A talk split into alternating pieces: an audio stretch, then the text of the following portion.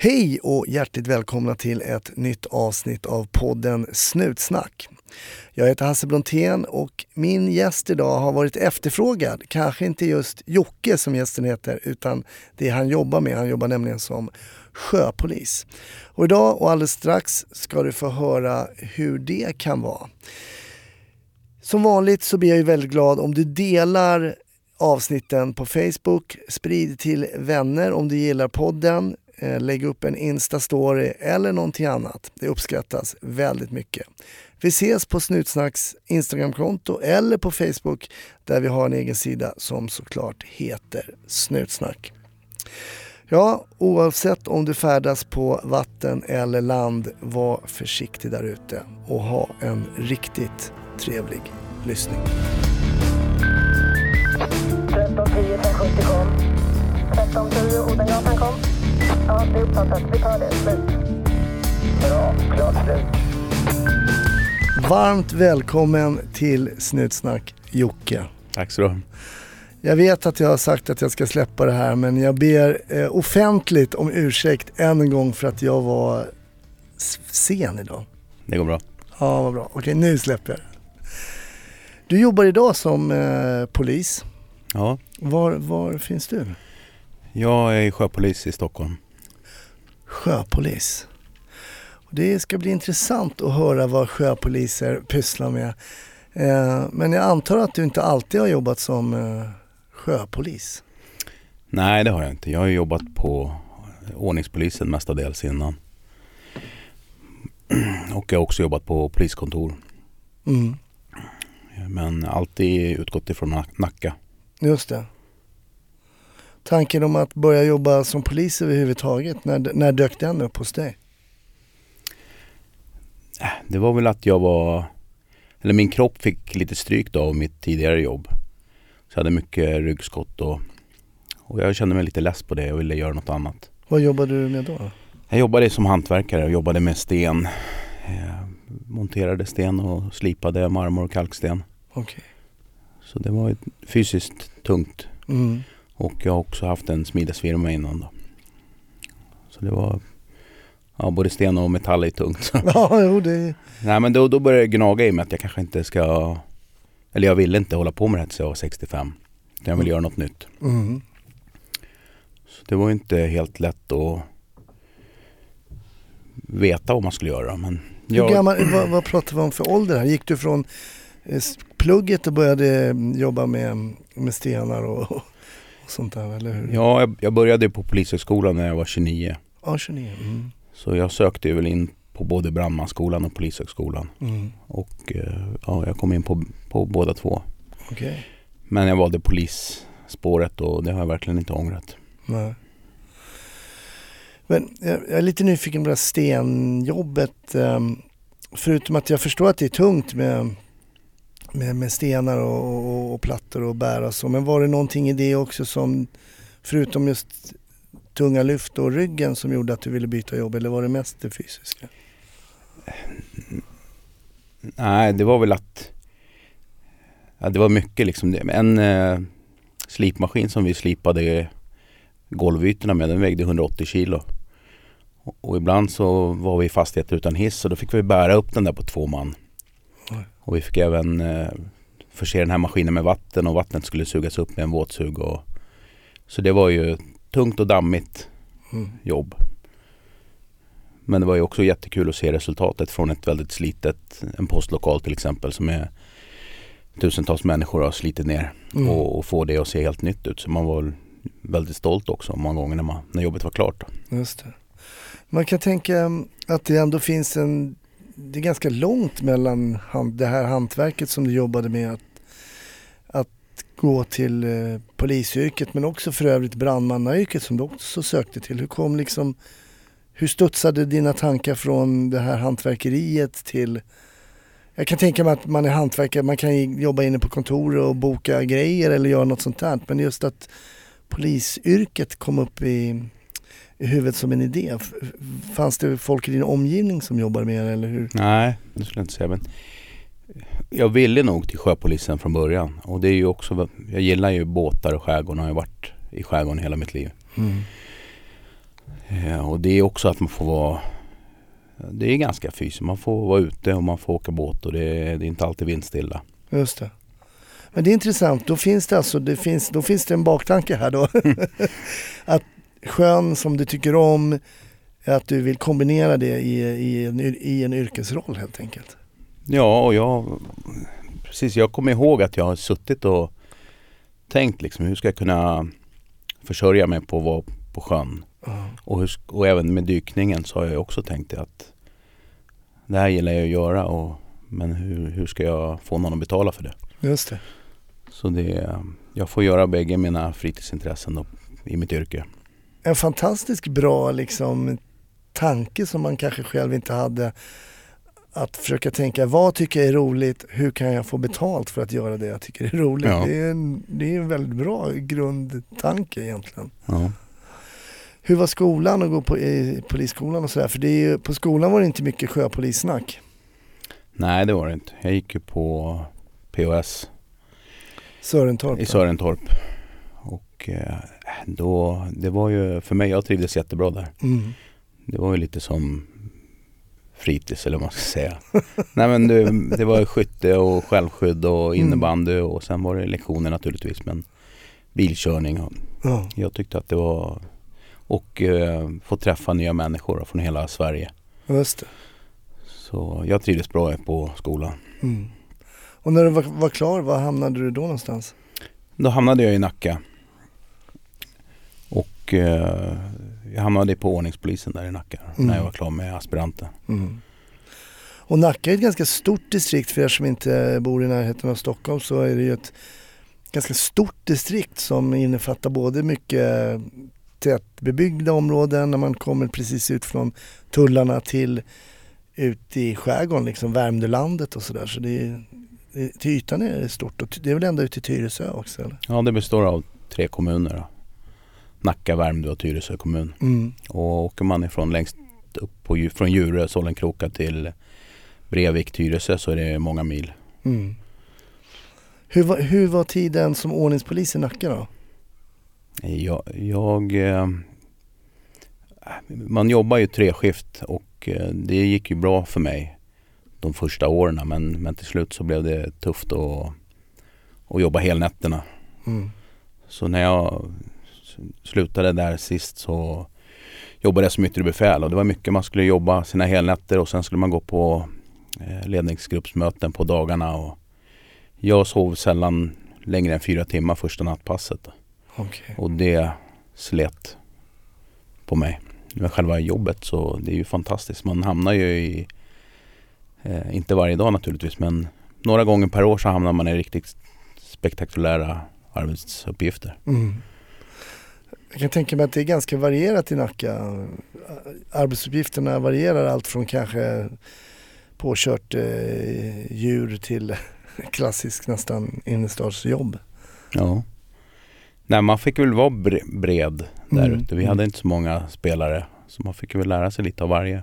Mm. Och sen ett litet distrikt ändå så man fick ju bra feedback från krim eller från teknikerna, kriminalteknikerna. Just det. som försökte utveckla oss då till att bli mera kompletta. Men sen söker du då till, hur går det till då när man eh, söker en sån här, för jag, jag vet ju det sedan tidigare, det är ju ganska um, eftertraktade tjänster det här. Att bli till exempel sjöpolis. För det finns ju inte så många tjänster. Nej. Nej, det är inte så ofta som vi antar folk dit. Mm. Och det går ju till så att man söker en provtjänstgöring Mm. där man eh, är med en besättning i tre veckor och jobbar. Och dels så får man som sökande se, är det här någonting för mig? Mm. För det kan ju vara, det är ju helt andra, det är ett annat tempo tack vare att vi har långa framkörningstider till, till ett jobb. Just det. Och sen får de som jobbar på sjöpolisen och ska bedöma, de, de tittar ju på saker som att man, att man funkar socialt då. Att man funkar att vara tre personer på ett litet om, liten yta Mm. Som en båt i under några dygn. Och att man kan ta ansvar för de dyra båtarna som vi ändå kör. Men jag tänker bakgrundskunskap då om man söker. Måste man ha typ skepparexamen och kunna alla knopar och, och sånt där, eller hur? Nej, nej man, man behöver ha en grundläggande nautisk kompetens. Som jag är lite osäker på om det är förarintyg eller, eller kustskepparen som, som gäller. Mm. Men sen får man ju, om man blir godkänd på provtjänstgöringen och då, då man, blir man behörig att söka sjöpolisutbildningen då, som är åtta veckor lång. Okej. Och i den så får man en högre nautisk kompetens och man får eh, all speciallagstiftning som, som gäller specifikt för oss på sjön. Då. Mm. Fartygssäkerhetslagen, sjölagen och så vidare som man kanske inte har koll på när man sitter i en radiobil. Nej, just det. Inte överhuvudtaget faktiskt. Nej. Man vet ju knappt att de finns de där lagarna. Hur var den utbildningen, sjöpolisutbildningen? Vad tyckte du när du kom till den? Om du jämförde den till exempel med grundutbildningen till polis, om du sen gick till, nu är det mycket kortare och sådär, men hur, hur var den? Jag tyckte att, att det var ett bra, det passade mig det upplägget. Det började med en mastig teoretisk bit. Där vi i fem veckor körde fyra av fem dagar med teori och sen varje vecka la man in någonting praktiskt och det kunde handla om sjukvård eller brandbekämpning eller eh, ett, ett pass i simhallen då. Mm. Så det var alltid lite praktiskt och i och med att jag har den bakgrunden som jag har så gillar jag det praktiska. Mm. Men efter, och efter de här fem veckorna då började man köra mer båt. Och då, det ingår ju att man ska kunna fändra av en båt och man ska kunna boxera andra båtar bakom polisbåten och även sida sida då, eller det som vi kallar jänkiboxering. Du ska kunna slussa och, och sen eh, lägger man på så att det blir mer och mer högfartsnavigering över det hela. Mm. Så man får ett cert även i högfartsnavigering då. I och med att våra båtar går fortare än 35 knop. Just det. Var kommer det här intresset för båtar och, och skärgården och sådär från? Nej, det har jag, jag haft hela mitt liv. Alltså från att jag låg i min mammas mage så har jag åkt över Ålands hav med. Så ja, med somrarna var vi i Finland med båt och eh, ja, man började med en roddbåt och sen fick man en liten båt med aktersnurra och till slut så fick man överta familjebåten då. Och sen har det bara fortsatt. Alltså, har- båtar har alltid funnits Ja. i ditt liv. Ja, det var det. Men är det någon, har du någon släkting där på Åland då eller? Ja, bägge mina föräldrar kommer från Finland. Okej. Mm. Eh, Så, så ja, man åker och hälsar på släktingar helt enkelt. Just det. Den här veckans partner är precis som förra veckan Continental Däck och deras nya däck Ice Contact 3. Och som jag berättade även i förra veckan då så har ju det 10% bättre grepp på is. Och inte bara det, de har också även mindre vägbuller och det är ju för att de har tagit fram en ny dubb som inte bara är utav aluminium utan har ett hölje av gummi. Ja, och för att få en ännu bättre förståelse för det här med däck och hur viktigt det faktiskt kan vara så har jag med Continentals ambassadör Mikaela på telefon. Och Mikaela är alltså professionell racingförare och har bland annat som första kvinna vunnit ett STCC-lopp. Det är alltså SM-serien i racing. Mikaela, du kör ju jättemycket bil och du kör ju extremt fort. Eh, hur viktigt skulle du säga för dig att det är med däcken när det kommer till din egen säkerhet? Alltså, om man pratar om bilracing och, ja, bilracing och bantävlingar så åker man ju på den absoluta gränsen för att vara så snabb som möjligt. Så åker jag då eh, på däck som jag inte känner mig trygg med så vågar jag inte åka på gränsen. Och jag menar, sen också när det kommer att, att köra på vanliga vägen så eh, jag menar, jag är ju Vision Zero-ambassadör och man vill ju inte att någonting ska hända. Och det är det som är skillnaden på däck och däck. Vissa däck stannar innan övergångsstället. Eller de bra däcken stannar innan övergångsstället. De dåliga de stannar efter. Just det. Du som har testat då de här Ice Contact 3, vad, vad är största skillnaden med dem, från de här däcken med om man säger vanliga däck med så här vanliga aluminiumdubbar? Ja, för det första så är det ju mycket bättre grepp. Så när jag kör på isen och, eh, och sladdar runt där med de däcken så är det ju sjukt bra grepp. Det känns nästan som så här tävlingsdubbdäck. Men sen när man åker över på vanlig väg och kör på ja, men asfalt så låter det mycket mindre så det blir behagligare i bilen. Mm. Men en sak som jag har tänkt på, kanske många också undrar, så hur märker jag att däcken, alltså många kanske tänker så här, men jag behöver inte byta förrän nästa år, men hur märker jag att jag börjar få dåliga däck? Liksom? Vad ska man vara uppmärksam på? Alltså helt ärligt, när man märker att man börjar få dåliga däck, då är det lite för sent. Eh, om jag ska vara så. Så att det man behöver göra med jämna mellanrum, och det är ändå ganska enkelt, det är ju att kolla alltså, däckmönsterdjupet. Se till att man har det. På vinterdäck så är ju 3 mm enligt lag, men Continental rekommenderar 4. Minst att man ska bibehålla de här egenskaperna. Och sen ja, se till att man med jämna mellanrum kollar eh, däckstryck så att det är rätt och, och så. Så att, faktiskt mer förebyggande arbete. Okej, okay. så när det börjar halka då är man alldeles för sent ute egentligen? Ja, ja men det är man. Då har man nått gränsen redan. Eller passerat gränsen redan. Just det. Tack så jättemycket Mikaela. Ja, men tack. Vill du läsa mer om Ice Contact 3 så gå då in på continental.se där det finns mer information och där du också kan hitta din återförsäljare. Efter de här åtta veckorna då är man utbildad sjöpolis helt enkelt. Ja, då, då får man ju stärka upp på sommaren då. Sjöpolisen tar ju in väldigt mycket sjöpolisutbildade poliser på sommartid. Mm. Så det kommer till oss nu så handlar det om ett 30-tal i alla fall som kommer extra varje sommar. Okay. Så det blir en bra förstärkning för oss för vi har ju mer att göra på sommaren mm. när det är mer folk ute i skärgården.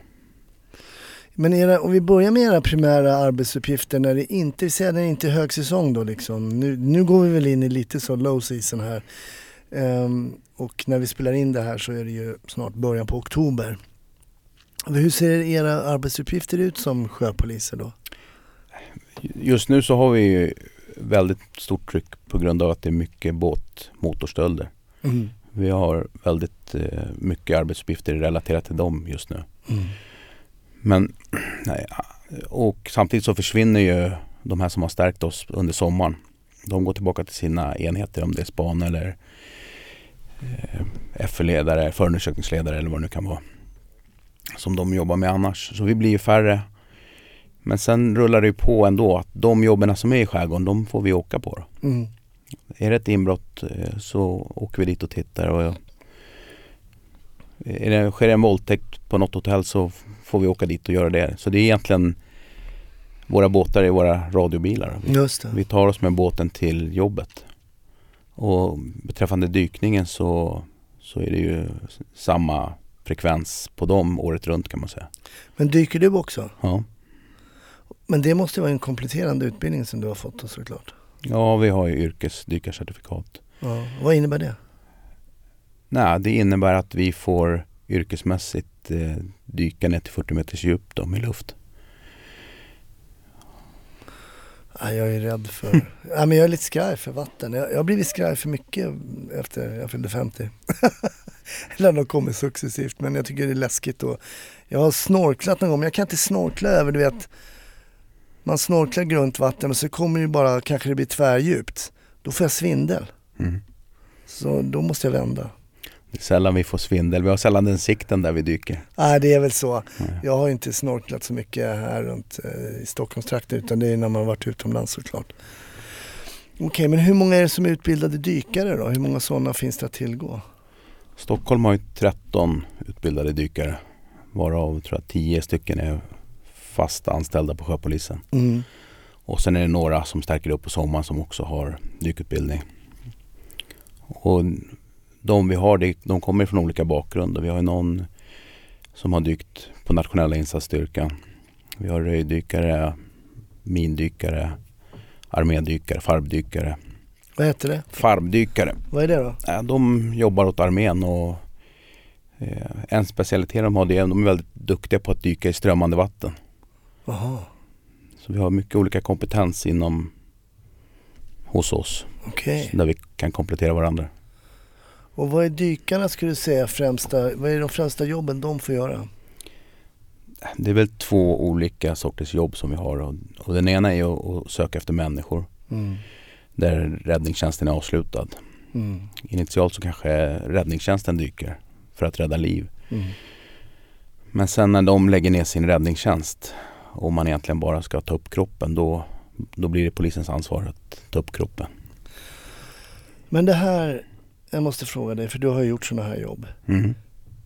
Att dyka ner i ofta ett väldigt mörkt vatten som det är ju på den här sidan eh, i världen i alla fall så är det mörkt. Och vetskapen om att du ska hämta en död kropp. Eh, först ska du hitta den då. Hur, hur, hur, känner du när du går ner under ytan där då? Vad, vad tänker du på då? Nej men en, en skillnad för oss är att vi alltid vet vad vi letar efter. Vi är mentalt förberedda på att eh, någonstans finns den här kroppen då. Och känslan när man hittar den skulle jag gissa bara, det är liknande som du har upplevt när du inom narkotikan gör en husrannsakan och hittar det blir som en kick att då har man lyckats när man hittar narkotikan eller när vi hittar kroppen. Mm. Eller det andra som vi söker efter också, det är ju vapen. Mm. Så, så vi, visst, eh, pratar för min egen del så är det dålig sikt i, i vattnet och, och man letar efter en kropp som kanske har legat eh, jag tycker att färska kroppar är trevligare än gamla kroppar. Men mm. det är för mig en anspänning innan jag hittat den. Men jag känner också en glädje när jag hittar den. Och att det mm. blir som en kick att jag har lyckats då med mitt jobb. För vi har hört det innan i podden just den här um, man har ju vetskapen om vikten av att få ett slut för anhöriga och sådär att trots att man vet att en person är avliden så är det oerhört viktigt att liksom få eh, en ett slut och veta att nej men den låg där. Kroppen, man, behöver, man kan inte tänka vidare att den kanske har överlevt och flytt landet eller alla tankar som skulle kunna komma upp. Då får, då får familj och anhöriga liksom ett avslut också. Ja. Men vi får mycket tacksamhet av anhöriga mm. för det jobbet vi gör. Och eh, jag, alla vet ju om att det är viktigt att, mm. att få en kropp att sörja. Mm. Så, så, det känns meningsfullt av den anledningen. Jag förstår det.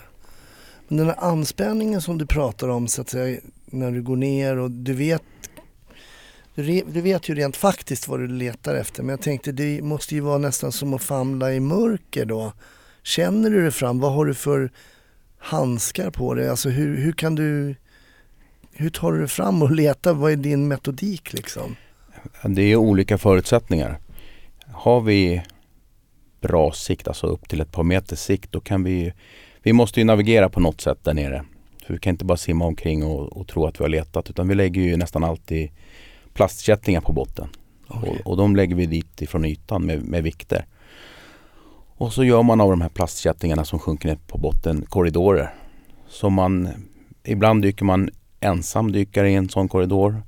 Och ibland om, om förutsättningarna är bättre, då dyker man två och två, att man dyker ett par dyk. Mm. Och när du har bra sikt då kan du bredda de här korridorerna. Och har du, har du dålig sikt, det kan vara så dålig sikt att du inte kan se kättingen utan du måste hålla kättingen med en hand och känn, då, då kan, får, du, får du känna med den andra handen. Och, och, ibland är det så dålig sikt så att eh, dyklampan den träffar massa partiklar i vattnet som gör att man får nästan, eller jag, jag kallar det för att jag får ögonepilepsi. Mm att jag försöker se någonting som inte går att se för att det är för mycket partiklar i vattnet och då blundar jag.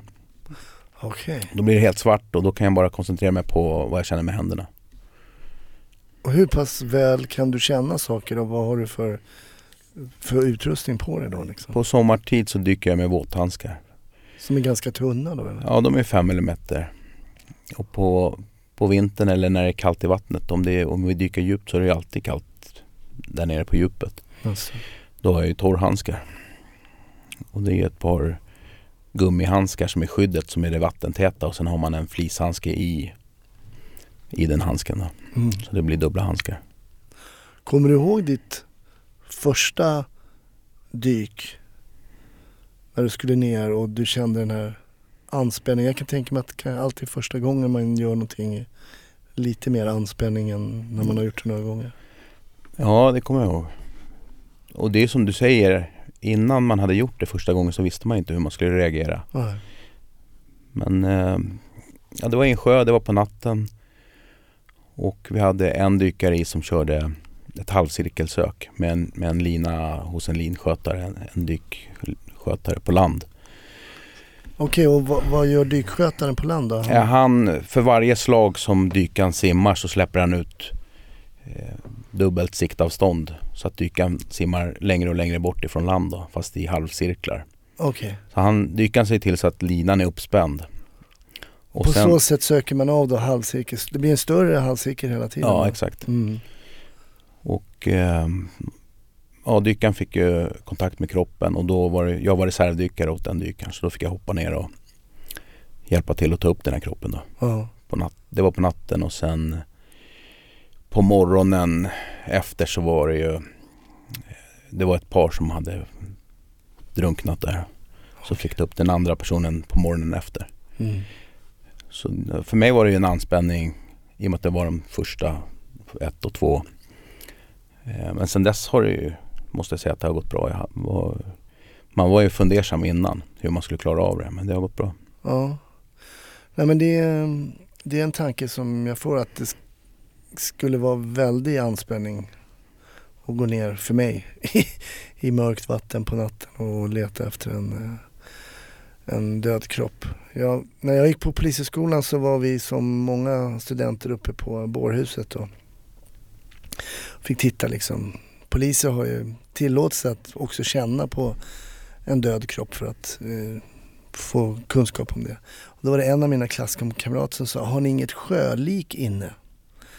Eh, för det var tydligen det, värsta då. Men det är ju så, du sa precis innan här att man föredrar ju en ung död kropp än en äldre och i vattnet så händer det ju något speciellt med eh, våra kroppar. Ja, alltså det är väl de ruttnar ju kropparna. Mm. Eh, Men det måste jag säga, som dykare har du den fördelen att du känner ingen lukt. Nej, precis. Du tar ju med din egen luft ner och det är den du andas och det är den du luktar. Så det är en jättefördel. Mm. Det kan ju vara ganska påtagligt, lik luften. Mm. Men det är väl det är ju så också att man, blir, man tar in vätska och man svullnar ju också eh, mer i vatten. Eh, vilket ju kan se mer makabert ut än, eh, än en klassisk död person Mm. som dör så att säga på land. Mm. Är det någonting kring det här som du har reagerat över när du har... Nej, faktiskt inte. Utan som polis så träffar du på döda människor och eh, även döda människor som jag har träffat på på land har ju sett ja, förskräckliga ut. Mm. Så man, man blir ju van efter ett tag. Mm. Snart startar vår stora färgfest med fantastiska erbjudanden för dig som ska måla om. Kom in så förverkligar vi ditt projekt på Nordsjö Idé och Design. Så du har egentligen eh, ytterligare en uppgift förutom det här sjöpolisarbetet och det är det här dykarbetet då. Mm. Hur ofta får du gå ner ungefär? Vi snittar. eh, Hur ofta får du dykjobb? Jag dyker väl 40 till 50 dyk per år i, inom polisens regi. Okej. Mm. Och då är en del av de här dyken är ju eh, övningsdyk som vi ska genomgå varje år. Vi ska Mm. ner på 40 meter och vi ska göra ett visst antal haveribanor. Och vi ska öva på att fotografera och dokumentera. Ibland kan det ju vara en brottsplats som, som är där. Att det Mm. är ett mord eller något brott bakom. Och då innan vi rör det så måste vi ju om omständigheterna medger fotografera. Så, så vi övningsdyker ju i syfte att bli bättre på att dokumentera de här platserna. Du nämnde haveribana, vad är det för någonting? Haveribana är att man simulerar att det blir problem då. Ah, Okej. Eh, till exempel att luften tar slut, att du måste dra i reservgasen. Då. Du måste, eller att du eh, ska göra en fri uppstigning. Vi har ju med oss en liten flaska luft som om vårt luftförråd tar slut så har vi ändå en, en liten flaska luft som vi kan fylla våran väst med. Så att vi får flytkraft och flyter upp till ytan. Okej. Eh, eh, att till exempel att dykkamraten sparkar av en masken och att du då ska ta upp ditt cyklop som du har i fickan och, och hitta din oktopus och stoppa in den i munnen så att du ja, så att du kan fortsätta inte verka kanske men att, du, att det blir kontrollerat. Din uppstigning blir kontrollerad om du får luft och, och kan se vad som händer. Just det. Hur lång tid tar det att ta sig ner på 40 meter ungefär? Se. Det, ja, men det kan ta två minuter, kanske två, tre minuter att ta sig ner. Och det, det tar ju alltid, om man ska dyka enligt tabeller så tar det alltid fyra minuter att komma upp. Då. Just det. För man får inte gå upp för snabbt. Just det, för det är den här dykarsjukan med, mm, med luften som du har inandas va? Som, Ja, kvävet måste få en möjlighet att lämna kroppen. Då. Just det. Och, och det gör man ju på vägen upp då om man, om man inte går för fort. Mm. Då bildas det bubblor. Ehm, jag brukar alltid be ehm, mina gäster ta med en historia ur sitt polisiära liv som, ja, som poppar upp av en annan, en annan anledning och som kommer sitta kvar under en tid. Vad, vad tänker du kring det? Har du någonting från sjöpolistiden? Ja, alltså jag har ju svåra båtolyckor men jag tänker på jag tänker på, vi fick ett jobb. Det var en engelsk rock- rockgrupp som körde ner för Södertäljebron. Just det. Och där hände på natten, morgonen och räddningstjänsten var där och dök och, och, och fick upp ett par stycken. Eh, Och man visste inte vilka det här var. Och man började undersöka det och det visade sig att den här bilen som körde ner i kanalen Mm. den var hyrd på Arlanda och man hade bokat fem, fem stycken biljetter på ett flyg. Mm. Så man, man trodde att det skulle finnas fler människor i anslutning till den här bilen. Då. Okej. Eh, Så vi började förbereda på att leta rätt på de här människorna i kanalen. Hur, djupt är, hur djup är den här kanalen där? Kanalen är ganska exakt 9,5 meter djup. Eh, Och eh, det första vi gjorde var att vi ringde och stoppade alla fartyg som skulle passera kanalen i någon riktning. Mm. Så fartyg, det var ju ett jobb som vi utförde under lite tidspress för att fartygen låg ju utanför Södertälje och väntade på att få passera kanalen. Mm. Men eh, vi samlade... Ursäkta om jag avbryter det där, men bara för att förtydliga för de lyssnare som inte kommer ihåg vad det var. Det, de körde helt enkelt, det är ju en broöppning där va, var det inte så? Och de körde egentligen förbi eh, avspärrningen och körde ner i kanalen, var det inte så? Ja, de körde ju igenom bommen och, och ner i kanalen. Det Just stämmer. Mm. Förlåt, jag, bara för att förtydliga var, hur de hade kommit ner där. Ja. ja. Nej men räddningstjänsten hade ju dragit upp bilen på natten Mm. och man hade fått upp eh, två eller tre kroppar. Och våran arbetsuppgift blev ju att hitta restaurera, ja, resten av de här Mm. fem. Så, så det var ju ett arbete som pågick tills vi hade hittat så att vi hade fem stycken kroppar. Just det. Och, ja men det var lite speciellt för de, de var väldigt svårt skadade kropparna. Ja. Var du en av dem som dök då? Ja. Och hur hittade du någon av de här? Jag hittade delar av dem. Just det. Hur är det att hitta delar av en person? Det, det är inte roligt. Men eh, ja, det tillhör ju arbetsuppgifterna. Mm. Men det, något, det, det poppar upp därför att det var så många på en gång. Mm. Många människor som, som låg där på botten och att de var svårt skadade. Mm. Det här är kanske är en makaber det blir en fråga men ponera att du hittar en kroppsdel. Vad, vad gör du rent praktiskt? Då säkrar du den först innan du fortsätter sen och arbetar. Ja, precis. I- det här fallet så körde vi också halvcirkelsök över kanalen. Mm. Och då fick ju reservdykaren hoppa ner med eh, en behållare för att Mm. plocka upp kroppsdelarna i den.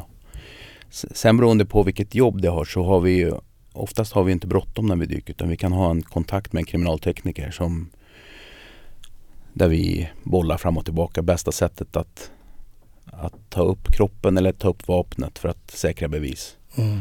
Så, så det skiljer sig, våran dykning skiljer sig från räddningstjänsten så tillvida att vi har vi, vi ska inte rädda någon liv det. utan vi ska ta upp saker och, och det är sällan bråttom. Nu fick de här fartygen i det här fallet som jag berättade om, de fick ligga och vänta tills vi var klara. Men det blir ändå som att ja, vi kunde inte hålla på hur länge som helst. Nej. Men vad händer rent praktiskt då? Ni, ni söker av kanalen, ni vet att det fattas två personer och ni hittar delar och till slut då kanske ni hittar då så att ni vet att det, det är komplett så att säga. Vad, vad händer rent praktiskt med ett sånt ärende? Åker de, vad gör ni med, vad gör ni med kroppar och kroppsdelar och vad händer rent praktiskt? Ja, den lo- lokala Södertäljepolisen var ju där Mm. och hjälpte oss. Så kropparna åkte ju med politi till Bårhus Mm. för obduktion. Och det är ofta så när vi jobbar att vi har vi gör jobbet under vattnet och sen lämnar vi det vidare. Just det. Eh, Men vi har också väldigt bra samarbete med våra kriminaltekniker. Att vi kan bolla, vi kan eh, ha börjat forska på eh, med hjälp av Uppsala universitet bland annat hur man tar tillvara på hur man bäst bevarar DNA efter att man har plockat upp ett föremål ifrån, ifrån vattnet. Då. Vattnet det känns ju som en, en, en klassisk, ett klassiskt gömställe på något sätt. Att man också har en tanke kanske när man kastar någonting i vattnet att nu är det borta liksom, för alltid. Men så är det ju inte. Det ligger ju någonstans där på botten. Ja, eh, precis. Det är ju därför de kastar i vattnet. Men ja, det är ju, och för oss är det ju en fantastisk känsla när man hittar det här vapnet och du kan hitta DNA från både målsägare och gärningsman. Mm. Eh, och, det, och det blir ett avgörande be- bevis i en rättegång. Men kan man ha någon, jag tänker på de här äh, som går i Speedos äh, och, och, och letar mynt liksom på, på stranden om man är på semester. Men kan du ha någon sån här metall leta pryl med dig ner eller? Ja, vi har ju metalldetektorer som är vattentäta. Mm. Eh, och de, de, lå- det låter ju fantastiskt att det piper när man kommer till metall men de här platserna som, som ofta är aktuella det är under broar Mm. och det är längs kajer. Och förutom att gömma vapen så har ju traditionellt vatten varit en slags soptipp. Mm. Det ligger mycket cyklar, mopeder, eh, väldigt mycket metallföremål. Så ibland är den bara ett hinder för oss, den här metalldetektorn. Ja, Däremot så kan du komma till en sjö i Norrland, en kärn som är helt orörd. Just det. Där det verkligen, du, och kanske väldigt eh, lös eller odefinierbar botten. Där du kan ha jättenytta av den här metalldetektorn. Just det. Så vi använder tekniska hjälpmedel. Vi har ju sonar, släpsonar som vi använder och drar efter våra båtar för att söka av botten. Okej, kan man se så pass tydligt om det saker och ting sticker ut eller? Ja, man kan ju, alltså du kan ju se större föremål som eh, bilar till exempel och vi hittar väldigt mycket bilar. Mm. Men kro- även kroppar hittar vi ju med hjälp av den tekniken och den kan ju söka Mm. upp till 50-100 meter i sida. Då blir i och för sig föremålen väldigt små i våra dataskärmar. Så vi, men vi söker med framgång 25 meter i sida, så 50 meter brett med Okej. sonaren.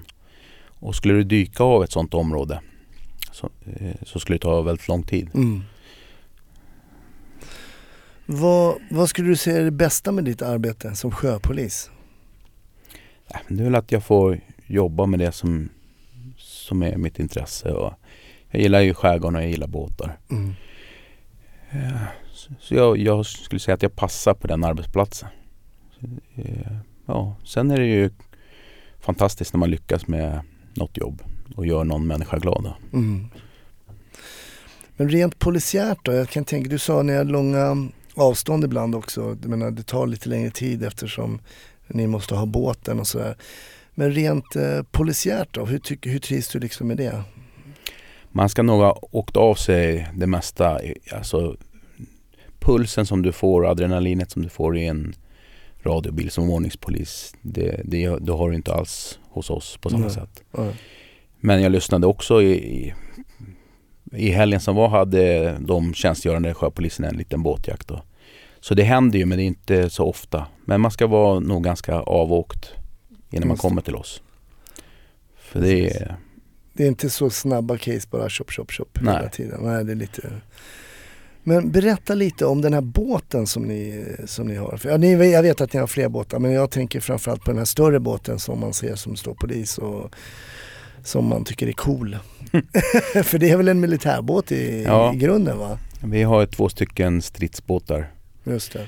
som är, det är landstigningsbåtar till amfibiebataljoner.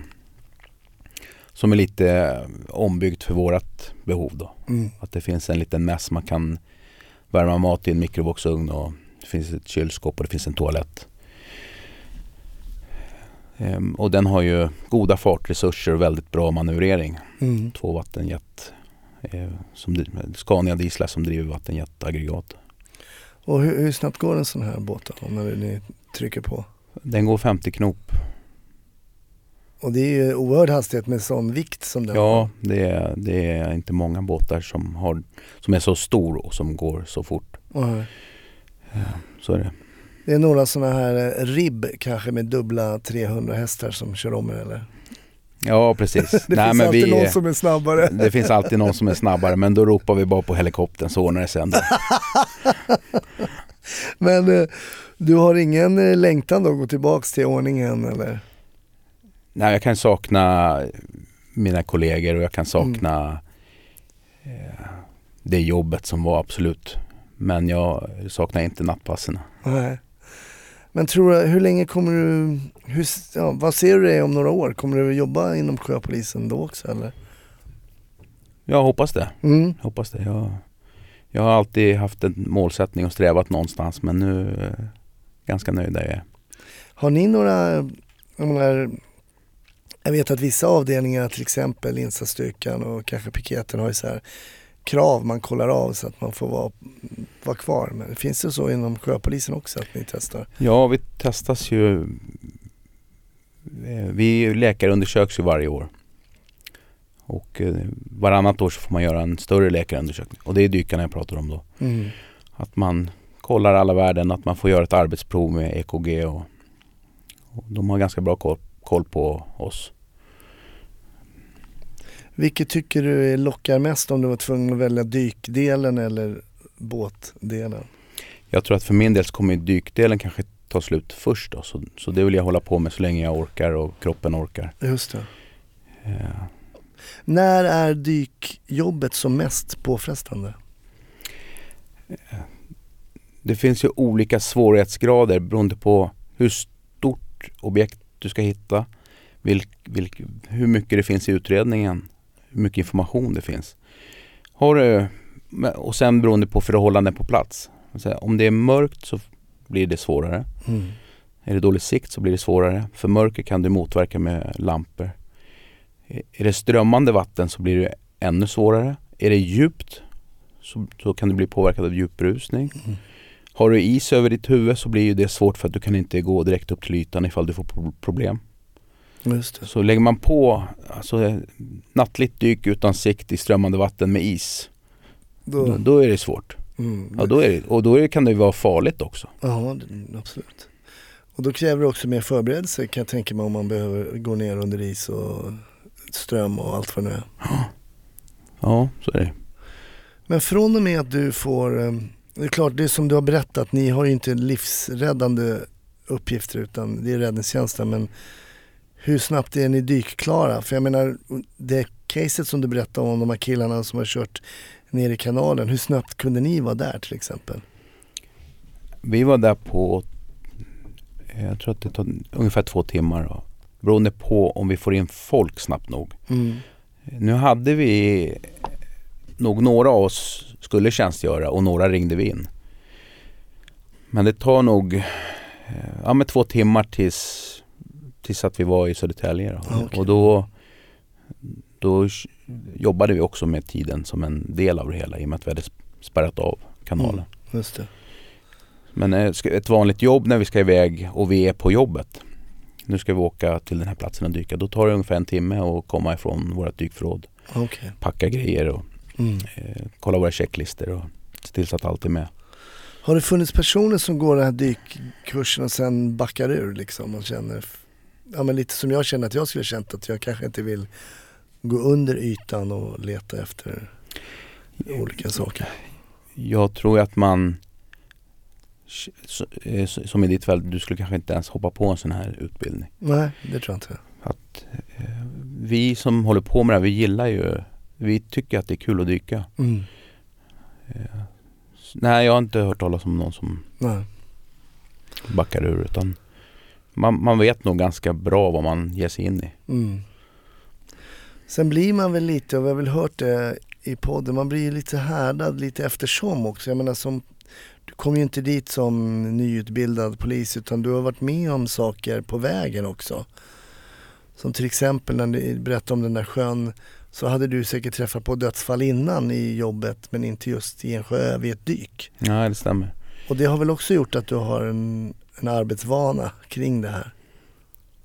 Ja, absolut är det så. Eh, om jag kommer någonstans och folk frågar vad jag gör så är det ju egentligen enklast för mig att säga att jag gör något annat men det brukar ju alltid dyka upp att man är polis, att man är polisdykare Mm. och de kan ju inte för sitt liv förstå hur jag kan jobba med det jag gör. Men Nej. för mig är det ett bra jobb. Mm. Jag, jag trivs med mitt jobb.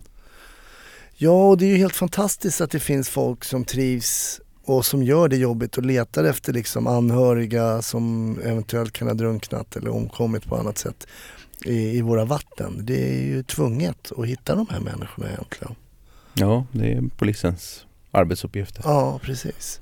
Och det är det som också är charmen med yrket att det finns de här lite udda tjänsterna som man väl ändå får kalla dykjobbet inom polisen eftersom ni är så pass få som, som gör det. Att man faktiskt kan hitta en sån tjänst eh, och då får man väl de största nörd, förlåt om jag säger nörd, men alltså de som du säger redan är väldigt intresserade av den här lilla, lilla biten som till exempel dykning då. Ja. Och självklart så blir det också bäst, bättre jobb om de som utför det är väldigt intresserade redan sen innan av det här.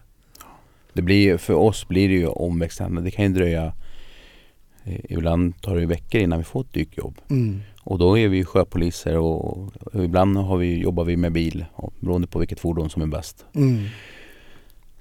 Så det är omväxlande och sen ibland blir det ju naturligtvis så att det, att det klumpar ihop sig. Att det, blir, det står en lite uppåt halsen för att man är borta för mycket hemifrån till exempel. Mm. Men jobbar ni då så att ni är ute, eh, är borta hemifrån ja, några dagar då eller hur, hur går det till? Ja, mitt schema i sommar har sett ut så att jag har jobbat kväll, dag, kväll, dag. Och i- alltså att jag jobbar, börjar 15 på måndag till exempel. Och sen jobbar jag till midnatt och sen har vi jour i, i, anslut, i skärgården i anslutning till en båt. Mm. Oftast på en militärförläggning i skärgården.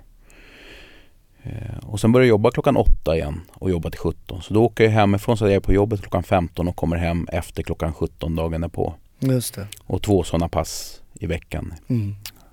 Och sen får man fylla på med lite, något extra pass här och där. För att få ihop sina timmar. Jag har faktiskt ringt till eh, sjöpolisen en gång, alltså när jag jobbade som polis då. Eh, och det var när jag jobbade på det här som kallas för rave-kommissionen. Så lyckades vi hitta alltså en rave på en ö i Mälaren. Och där grep vi ja, rätt många faktiskt. Det tog en jäkla tid innan den där båten kom kan jag säga. Så vi satt och snackade med de där ungdomarna där. Vi kunde inte låta dem festa i fred utan vi tog en hjälp av någon eka som vi tog oss till den där ön. Och sen kunde vi inte få dem gripna därifrån. Nej. Men det var, det var en, eh, en annorlunda upplevelse att få ta dem liksom in i den där båten då som la till. Ja, du pratade tidigare om fartresurserna på stridsbåtarna och Mm. även om de går väldigt fort så för om vi inte befinner oss i Mälaren, om vi ska in i Mälaren så måste vi åka Hammarbykanalen och Precis. det, det blir dålig stämning om vi skulle gasa på där. Om Ja. vi inte har ett riktigt bråttom jobb, att någon har hoppat från en bro eller något liknande, då kan vi ju Ja köra på ändå då. Men, men de gör mycket vågor våra båtar. Alltså de ger mycket svall så de som har strandtomter står och hytter med näven. Ja, alltså det är... Ibland har vi bråttom, då kan vi liksom inte riktigt bry oss om det. Nej. Men, men, och ibland så missar vi att, att man ser inte en båt som ligger för ankar om vi åker utanför en farled. Och det är klart att, att, att vi har ställt till det för folk Mm. när vi åker så pass många sjömil som vi gör varje Just, säsong. just. Ja, intressant. Det är ju eh, en yrkesgrupp inom yrket där vi har haft många frågor från eh, läsare. Så här, när kommer en sjöpolis? Ja, här är jag. ja, precis. Men du skulle inte vilja by- byta bort det här just nu då alltså? Nej, absolut inte. Nej. Jag, jag trivs bra och Mm. man blir ju hemmablind. Man, man, det går ju upp och ner att, men, men vi, har det, vi har det bra, vi som är på sjöpolisen och, Mm. eh, och jag stortrivs där. Du saknar inte de här um, plattorna då? Som du stod och slipade en gång i tiden? Nej, det gör jag inte. Det gör jag absolut inte. Ångrar inte att du gjorde det här, yrkes, eh, det här bytet av yrke? Nej, det kan jag inte säga. Jag tycker, alltså det finns ju över 30-tal olika inriktningar som polis. Mm. Och man kan, om man ledsnar på någonting så kan man alltid hitta någonting Eller så får man lämna yrket och hitta på något annat. Då. Mm. Jag vill inte bli någon bitter, bitter gubbe här på slutet. jag har haft roligt på jobbet och så hoppas att det förblir. Ja, roligt. Jag brukar alltid runda av, jag glömde den tror jag i förra avsnittet men eh, jag brukar alltid fråga nu på slutet också, vad har du i fickan? Jag har polislegitimation. Mm. Jag har en eh, mobiltelefon. Och jag har en snusdosa. Är det standard? Ja, det är, de, det, det, det är tomt om inte nå- de där är med. Är det de tre, tre grejerna du checkar när du går hemifrån? Ja, det, så är det. Ja. Sen, eh, ja, någon sjö, sjöpolisfilm har jag nog aldrig sett tror jag. Finns det någon sån? Ja, Göta kanal. Ja, Göta kanal ja, då är de med lite grann. De är med ja. Ja, det är ju faktiskt en, eh, en klassiker om man inte har sett den så ska man ju kolla Göta kanal. En sån svensk filmklassiker. Men har du någon annan film som du, eh, hur, eh, hur har du det sen när du kollar de här svenska polisfilmerna? Sitter du och håller för öron och ögon och, eller kan du titta igenom? Nej, jag, jag kan släppa att det inte stämmer överens med verkligheten. Mm. Jag är ganska övertygad om att det skulle bli tråkigt att och, och titta på en helt realistisk serie. Ja. Så nej, det är inga problem för mig. Någon film då som du kan eh, rekommendera till eh, lyssnarna? Behöver inte vara en polisfilm och sjöpolisfilmer är ju, de är inte många. nej. Eh, nej, men Nyckeln till frihet tycker jag är fantastiskt bra. Den har jag sett många gånger och kommer förmodligen se den igen. Ja, det är ju en riktigt bra film. För övrigt kom jag på, det har ju varit några sådana riktigt bra båtjakter i Bondfilmer va? Ja, de är spektakulära. Ja, där de både hoppar över land och andra båtar och så när det kommer till båtjakter kanske man får rekommendera James Bond. Ja. men, men riktigt så har ni inte på nej, vi har, polisen inte i kom, vi har inte kommit till James Bond ännu. Nej, precis. Jocke, stort tack för att du gav oss en inblick i jobbet som sjöpolis och också jobbet som dykare. Jag tyckte det var eh, riktigt spännande att höra, höra det. Så tack så jättemycket. Tack själv.